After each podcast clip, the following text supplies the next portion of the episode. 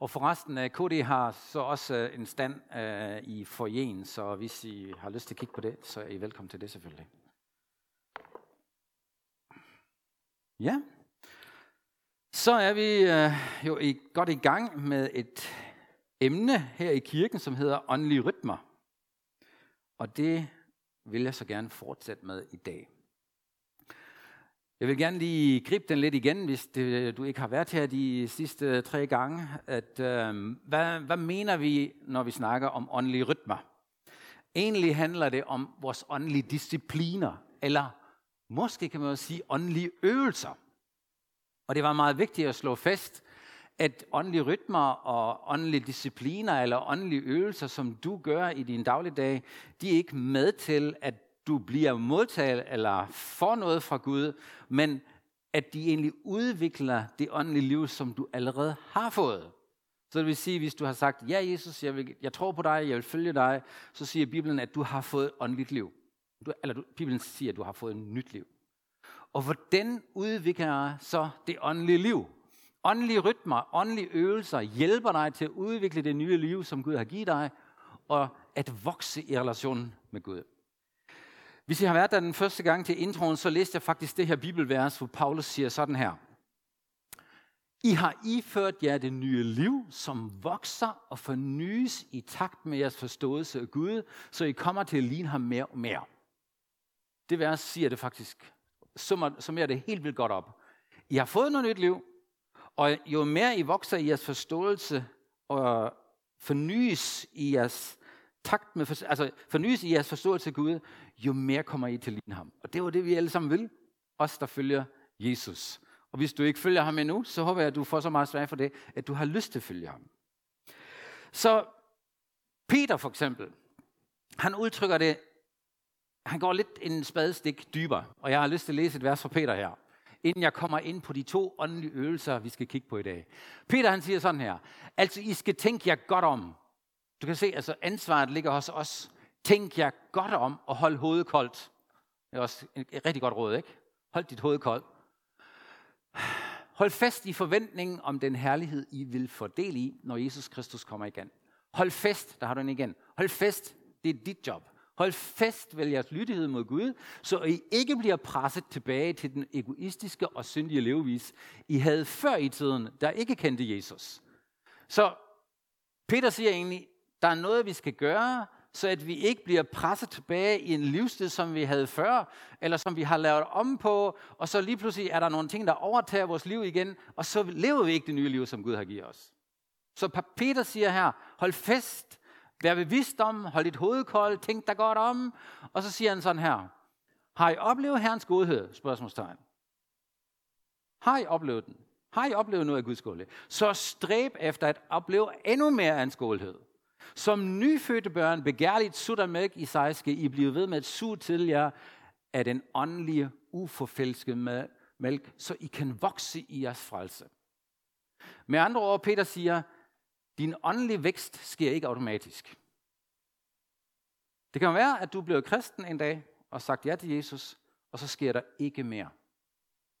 Fordi det er der sådan set din, dit og mit ansvar starter. Du har fået noget, og så siger Gud, kom nu, udvikle det her.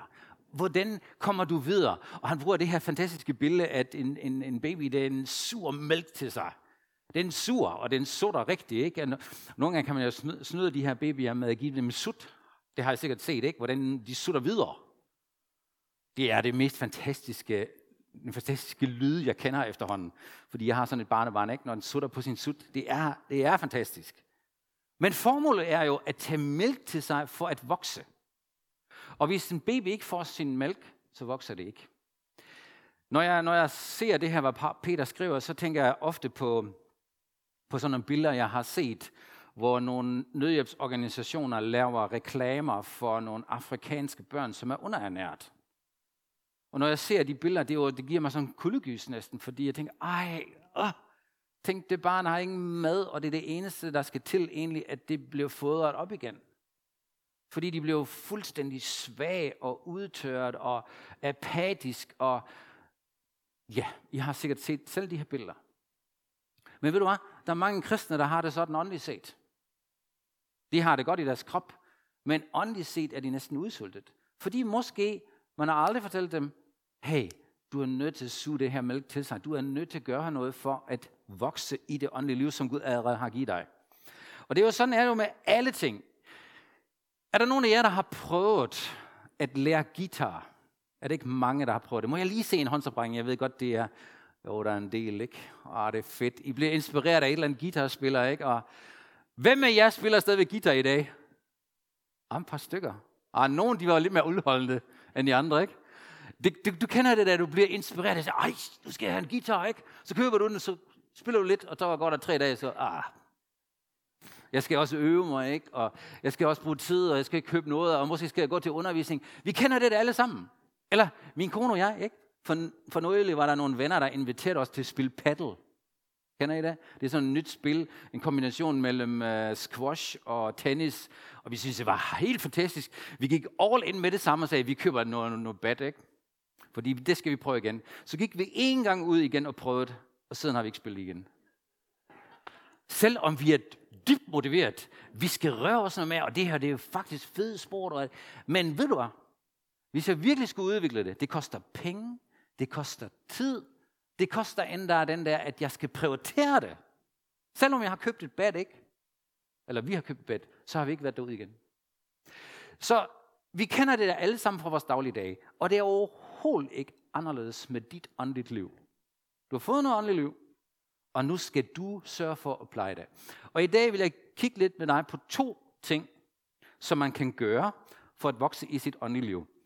Og i hele den her branche, hvor man snakker om de åndelige discipliner, der kalder man det alene til og stillhed. På engelsk silence og solitude. Og det er faktisk lidt sjovt, at jeg skal tale om stillhed. Fordi det er ikke særlig god tid. Men det endte med, at det er mig. Hvis du, vokser, hvis du vil vokse i din relation til Gud, så vil jeg påstå, at der er et eller anden form for alenetid, som er nødvendigt. Jeg siger ikke, hvordan alenetid og hvordan der stillhed skal se ud. Hvordan den skal se ud. Men der er en form fra alenetid og en form for stillhed er nødvendigt for at pleje dit åndelige liv. Øhm, det kommer ikke helt udenom. Og selv Jesus, som er Guds søn, trak sig tilbage for at være sammen med Gud. Prøv lige at læse det her vers. Rygtet spredtes hurtigt, og store folkemængder kom for at høre Jesus og for at blive helbredt for deres sygdomme. Jesus trak sig derfor tilbage til øde områder, hvor han havde chance for at være alene og få tid til at bede. Selv Jesus, Guds søn, som havde det ultimative åndelige liv og var så tæt på Gud og levede i Guds nærvær, havde brug for at være alene med sin far. Så alene til og stillhed er ikke det samme. Det er to forskellige ting. Og jeg prøver lige at afklare lidt, så at vi ikke øh, har forvirring øh, om, øh, at vi ikke øh, er forvirret om begreberne. Lad os starte med alenetid. Alenetid betyder ikke, at du er ensom. Alenetid betyder ikke, at du føler dig forladt uden for fællesskabet og mangler kontakt til andre mennesker. Når vi snakker om alenetid, det, så, så mener vi noget helt andet. Adam var i paradiset og var sammen med Gud, og Gud sagde til ham, det er ikke godt for dig at være alene. Så du skal have nogle relationer, og Gud sørger for, at vi fik nogle relationer. Men hvad er så alene til? Alene tid er den tid, du vælger, vælger, hvor du alene er, hvor du er alene med Gud. Det er et fravalg af noget andet. Det er fravalg af alt det, hvad der forstyrrer dig. Baggrundsstøj, tv, radio, podcast, musik, mobil, alt hvad der sådan i dagligdagen fylder vores hverdag, og som er helt normal i vores hverdag, hvor du siger, jeg vil gerne være alene med dig, Gud. Med dig alene. Nu sætter jeg tid af, hvor jeg er alene med dig. Og som sagt, det kan have mange forskellige former, fordi der findes ikke nogen bestemt stil. Hvad jeg mener er, du prøver at undgå forstyrrelser. Har I prøvet det, at I kørte en bil sammen med en anden en, og I var på vej til et bestemt måde, og du skulle dreje et eller andet tidspunkt, og du falder så meget i snak, at du kører forbi. Kan du det? Og så, øh, vi missede lige den her. Vi misser, ah, hvad kan vi nu? Nu skal vi vende om, og så, eller finde en anden vej, ikke? og GPS'en siger noget nyt. Men hvorfor gjorde du det? Du gjorde det, fordi du var optaget med snakken. Og der var overhovedet ikke noget galt med snakken. Men du var ikke opmærksom, fordi vores hjerne og vores liv er sådan skruet sammen, at vi ikke kan multitaske. Især mænd har virkelig svært ved det. Ikke? Altså, kvinder kan måske gøre mere, men fokusere, prioritere, udelukke nogle ting for at være alene. Og når vi kigger på vores relationer, om du er kæreste med nogen, eller om du er gift med nogen, så er det jo vigtigt, at du også har alene tid. Det kan være, at du er en meget socialt menneske, og du gider godt at hænge ud hele tiden og feste ballade, og det er super fedt. Der er ikke noget galt med det overhovedet. Men hvis du er aldrig alene med din kæreste, så er der et eller andet, hvor jeg tænker, ah, hvad sker der lige? Ikke? Vil du ikke være sammen? Der er behov for, hvor vi er alene, og Gud vil gerne være alene med dig. Alenetid er muligt uden stillhed. Det kan godt lade sig gøre. Fordi du kan være alene med Gud, og stadigvæk have masser larm. Så jeg synes, det er vigtigt, at vi adskiller de to ting. Lad mig læse et vers mere, hvor Jesus siger sådan her. Når du beder, så gå ind i et rum, hvor du kan lukke døren efter dig, og bed til din far, som er i det skjulte. Og din far, for hvem intet er skjult, vil belønne dig. Jesus siger ikke, at at du skal være i et rum. Det er et eksempel. Men han siger, luk din dør. Altså sørg for, at du virkelig er alene med Gud. Og det kan være, at du skal gå en god tur ved stranden, eller i en skov, eller et eller andet. Men hvor du siger, jeg lukker, lukker min dør nu for de andre, og de ting, der forstyrrer mig, for at jeg kan være alene med dig, Gud. Og det er et bevidst valg. Det er virkelig et bevidst valg. Og jeg kan mærke, når jeg foretager det valg, og siger, Gud, nu er der måske en halv time, eller hvad det er, hvor jeg ikke skal andet end at være sammen med dig. Det er et bevidst valg. Og jeg kan mærke, at det gør noget ved mig, når jeg vælger det. Og så siger Gud jo, eller Jesus siger om Gud, at han vil være der. Han venter faktisk før dig. Han er klar. Han er altid med dig. Men når du siger, Gud, nu vil jeg være alene med dig, så siger Gud, det vil jeg glæde mig til. Jeg er også, jeg er også alene med dig. Jeg er her. Lad os være sammen. Det er for at afklare alene tid.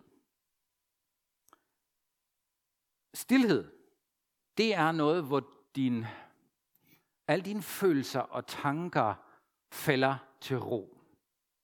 Vi lever i en verden, som er ekstremt hurtig. Og der sker så mange ting, og vi bliver påvirket alt muligt. Vi kan ikke undgå det. Du skal heller ikke gå i kloster. Altså, hvorfor skal du det? Vi lever i den her verden, så det er givet. Vi skal forholde os til det. Og vi har brug for, hvor vi kommer til ro fra alle ting. Der er en, der har brugt øh, et eksempel og sagt, det er ligesom et glas med vand, hvor der er masser af grums i det vand. Alt mulige små, små partikler. Og når du ryster det vand, så er det hele meget, meget grumset. Men når du stiller det glas et sted, hvor der er ro på, så falder ting til bunds. Kan I forestille jer det? Sådan rent billedmæssigt. Sådan er det også at komme til Gud og sige, Gud, nu vil jeg være stille. Og det er faktisk rigtig svært. Fordi man har lyst til at sige noget, og man har også lyst til at sige noget i sine tanker. Kan I det? Altså stillhed betyder ikke passivitet, eller at man slår fra, og som bare er helt apatisk og er væk. Stilhed betyder egentlig, at du er bevidst om dine tanker, men de styrer dig ikke længere. Igen et eksempel. Her for nylig, det var faktisk i fredags, gik jeg mig en tur, og det var det allerbedste vejr. Solen skinnede, jeg tror det var 13-14 grader. Og vi bor ikke så langt væk fra Årslev Engsø, så jeg gik ned til søen. Men mit hoved var fuld af tanker. Alt muligt. Der var nogle ting, jeg, åh, det her, det skal jeg styre på, og det, det er ikke gået så godt, og alt muligt. Og jeg, jeg, jeg, der var så mange tanker i mit hoved, de kørte, du ved, man kan ikke beskrive det, ikke? Du kører, ja. ja. Det sagen er, at de første 500 meter lagde jeg overhovedet ikke mærke til, hvor smukt det var derude. Jeg kørte rundt i mine egne tanker. Og lige pludselig tænkte jeg, okay Gud, nu, nu skal jeg virkelig falde til ro. Jeg skal ikke, jeg skal ikke bekæmpe mine tanker, eller jeg skal falde til ro. Og lige pludselig gik det op for mig, nej, hvor er det her smukt. Og jeg blev sådan lidt mere nærværende. Jeg kom ud af min tankesuppedags. Kan I, kan I følge det? Kender I de der følelser? Og, og lige pludselig er du nærværende og tænker, wow, sikke et øjeblik varme, øh, oktobervarme og solskin og blå himmel og blå vand. Og jeg bliver lige pludselig, mine sensorer bliver næsten vækket og tænker, wow, og mine tanker, de faldt til ro. Og det gør noget ved dig, når dine tanker falder til ro. Når du holder din mund. Det er ikke nemt. Især når du har meget at sige til Gud. Og der er ikke noget galt i at bede, der er ikke noget galt i at råbe til Gud, der er overhovedet ikke noget galt i det. Bibelen opfordrer os mange gange, men hvor er det befriende at falde til ro hos Gud? Og dyrke lidt stillheden. Og det er ikke passivitet, fordi lige pludselig bliver du nærværende og finder ud af, hold da op, hvad sker der her? Stilheden er også tid til at lytte og ikke høre sig selv tale. Og når, når Bibelen for eksempel taler om meditation, så taler den, taler den egentlig om, at man tykker på noget, ligesom en ko tykker på nogle ting, og bliver ved med tyk og tyk og tyk og tyk, indtil det bliver tykket helt igennem. Jeg ved også, at det der hebræiske ord, det har nogle rødder. Når en løve, han spiser sit lam, som han lige fanger det, ikke? eller slår ihjel, og så tykker han på det. Det er egentlig tale om, når vi snakker om, om meditation, at det er noget, du mumler foran dig selv, eller du gentager noget, du tykker noget igennem, som, som kommer op. Men det er ikke bare dine tanker, der kører rundt frem og tilbage. Så jeg vil læse et vers mere, når det handler om stillhed. Se her. Hvorfor bruger I jeres penge på noget, som der hverken mætter eller nærer? Her har du lidt det samme billede igen. Gud siger, I skal bruge jeres tid på noget, som nærer jer, eller mætter jer inden i. Så siger han her, lyt til mig, så får I, hvad der er godt, udsøgte retter, som mætter jer sjæl. Det er en af mine yndlingsværker på det i de sidste måneder. Udsøgte retter, som mætter din sjæl. Gud han er interesseret i at servere en, servere en måltid til dig, som virkelig mætter din sjæl. Det er et godt tilbud, ikke? Men det starter med, at du, du siger, okay Gud, jeg vil gerne lytte til dig. Jeg vil gerne høre fra dig. Jeg vil gerne have stillhed. Hvad er fordelen ved at lytte? Når man lytter, så viser man respekt. Og det, jeg ved godt, det er nogle gange svært at lytte, fordi vi har så travlt, ikke? Men hvis du har en person, der lytter til dig, så viser personen dig opmærksomhed, og viser interesse og værdsætter dig som person. Her for nylig fik jeg sådan en anskuelighedsundervisning for det. Jeg var til en reception sammen med min øh, mellemste datter. Øh, vi skulle øh, være med. Vi var inviteret til sådan en reception i København. Og øh, vi hyggede os. Vi kendte ikke ret mange ved den her reception. Det var en forfatter, der har udgivet en ny bog, og vi var med inviteret. Så øh, vi stod og snakkede lidt og fik lige vores øh, lille pinde med og det ene og andet. Og så kommer en af mine venner, som jeg kender og en god kollega, ind af døren, og vi hilser vel, hej, godt at se dig, fedt, at du også er her. Og han ved godt, at det er min datter, men han har aldrig rigtig mødt hende. Og så begyndte han at snakke med hende. Han stod og lyttede til hende, og jeg kunne bare se, wow, du glemmer mig, jeg er også her, ikke? Nej, jeg var virkelig imponeret over, hvordan han lyttede til min datter. Og min datter fik fortalt det hele om sit liv, hvor hun laver det ene ende. Og jeg tænkte, wow, det er du virkelig god til. At lytte til en person og, og virkelig være interesseret. Og når vi lytter til Gud, ikke, så viser det os, at vi er interesseret i, hvad du har at sige. Og jeg ved godt, jeg kender, jeg falder selv i den der hele tiden, at jeg har antagelser om andre, hvad de tænker og mener og alt det der. Antagelser. Man læser et eller andet, ikke? Man læser kopsprog, eller man tænker sit, og så antager man. Og det gør man også over for Gud. Gud kommer jo nok til at sige det der, eller det der, og mener det der. Men når du virkelig praktiserer stillhed, ikke, så dropper du alt det der. Og siger, okay Gud, nu vil jeg virkelig høre. Du har min opmærksomhed, jeg vil lytte til dig. Og det kan være, at du nogle gange er stille over for Gud. Han siger ingenting. Det er jo derfor, vi opgiver op, ikke? Der kommer ikke rigtig noget. Vil du ikke sige noget? Okay, så går jeg igen, ikke? Men vores måde at lytte til Gud og vise ham opmærksomhed, er faktisk noget, vi skal øve os til. Fordi jeg er 100% overbevist om, at Gud vil tale til dig. Især når vi sætter tid af til at lytte. Fordi så kommer han til mætte vores sjæl. Han kommer til mætte din sjæl. Og det er så godt at blive mættet indeni. Du lever en helt anden dag, når du ved, at åh, han er mættet min sjæl, han har lige talt til mig. Ikke? Det kan også være, at du sidder i stillhed, og der er ikke noget konkret ord til dig, men du mærker, at han er bare nær. Når to mennesker kender hinanden, så behøver de ikke sige så meget mere. De kigger bare på hinanden. Ikke? Så stillhed er virkelig en måde på at blive mættet i sin sjæl.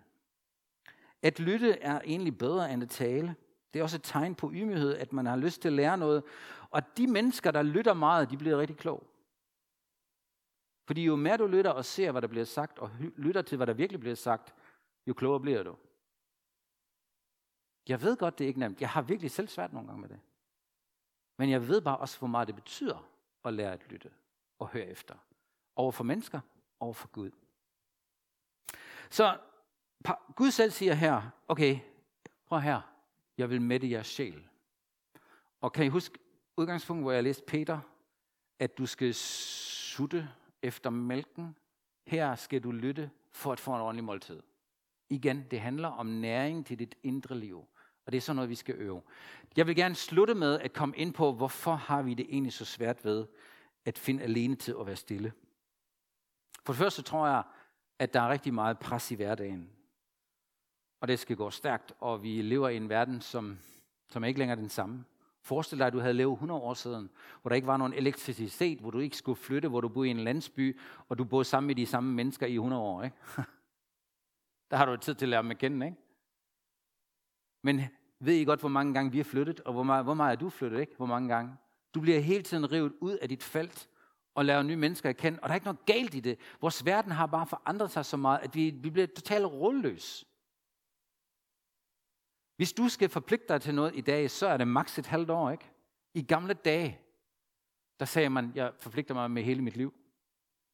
Vi har lige snakket om, uh, uh, i lederteamet lidt om, hvordan skaber vi ejerskab sådan af hjertet, også i kirken, fra generation til generation, ikke bare de næste 10 år, men de næste 20 år. Ved I godt, at Notre Dame, den flotte kirke i Paris, ved I, hvor mange år det har taget at bygge den? 200 år.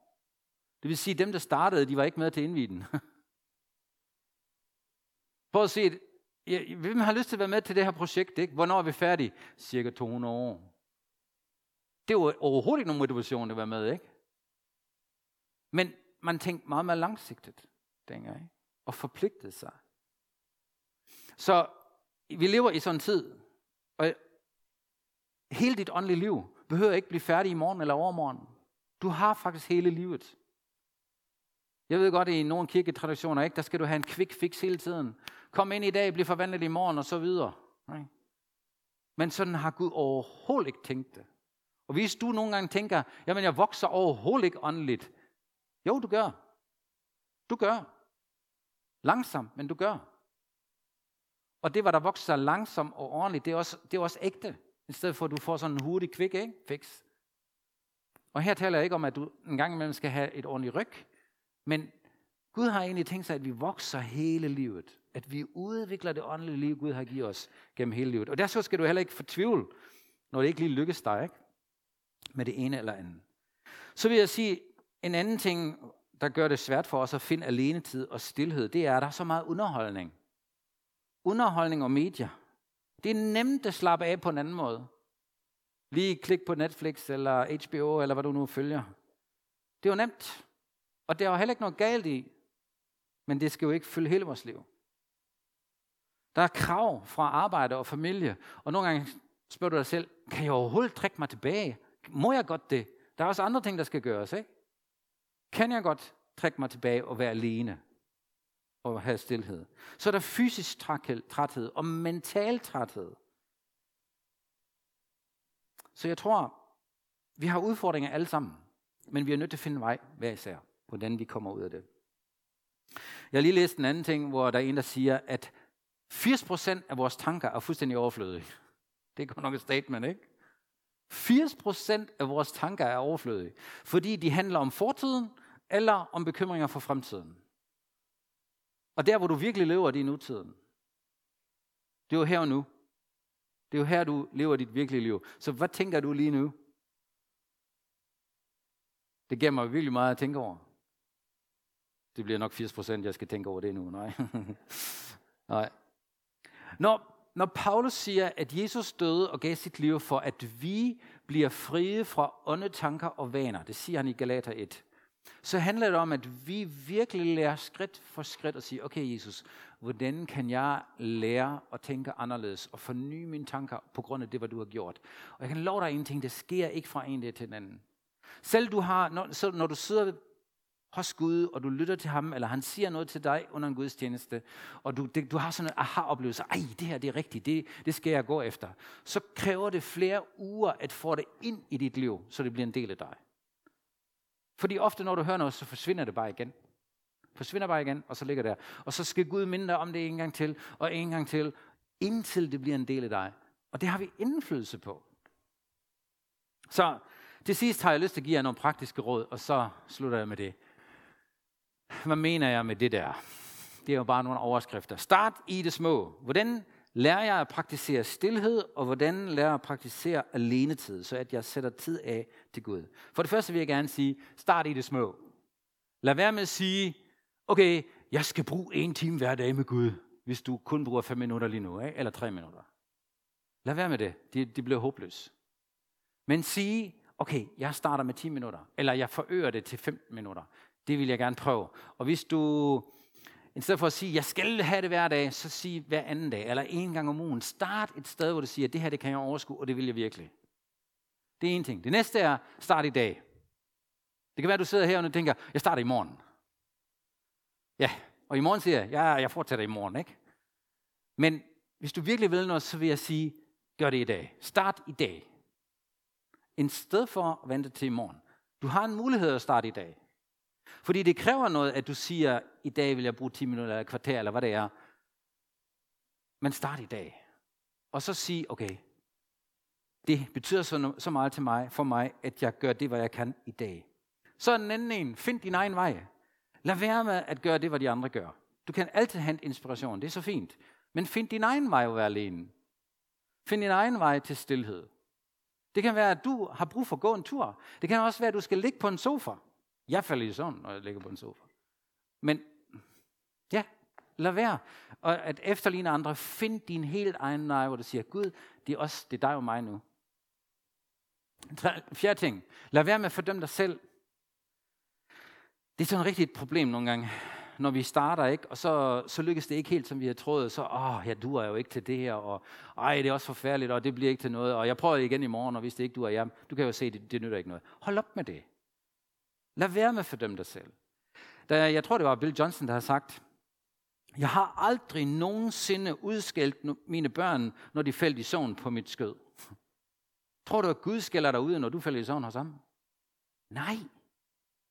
Han er faktisk glad for, at du har sat tid af til ham, og hvis du falder i søvn, han skal nok vække dig. Ikke? Lad være med at fordømme dig selv, at det ikke lykkes helt, og så start forfra i morgen igen. Det næste, jeg ser, hent inspiration. Læs nogle bøger om det. Snak med andre om det. Hvordan gør du det? Hvordan har du fundet ud af, at du er alene med Gud? Hent noget inspiration. Der er måske nogen, der har nogle super gode idéer, hvordan de gør det. Ikke at du skal efterligne det, men at du finder din egen vej. Og det næste, bliv ved. Bliv ved med at være parat til at justere ting. Jeg har fundet ud af for mig selv, når jeg siger, at det skal være på en bestemt måde, resten af mit liv, det holder bare ikke. Det kan være, at de næste fem dage, så gør jeg sådan her, men undervejs så er jeg nødt til at justere og tilpasse det. Indholdet er stadigvæk det samme, men jeg gør det anderledes, end jeg gjorde det fem år siden. Hele mit, min, min stillhed og alenetid med Gud ser meget, meget anderledes ud, end det bare så ud et år ud eller fem år ud.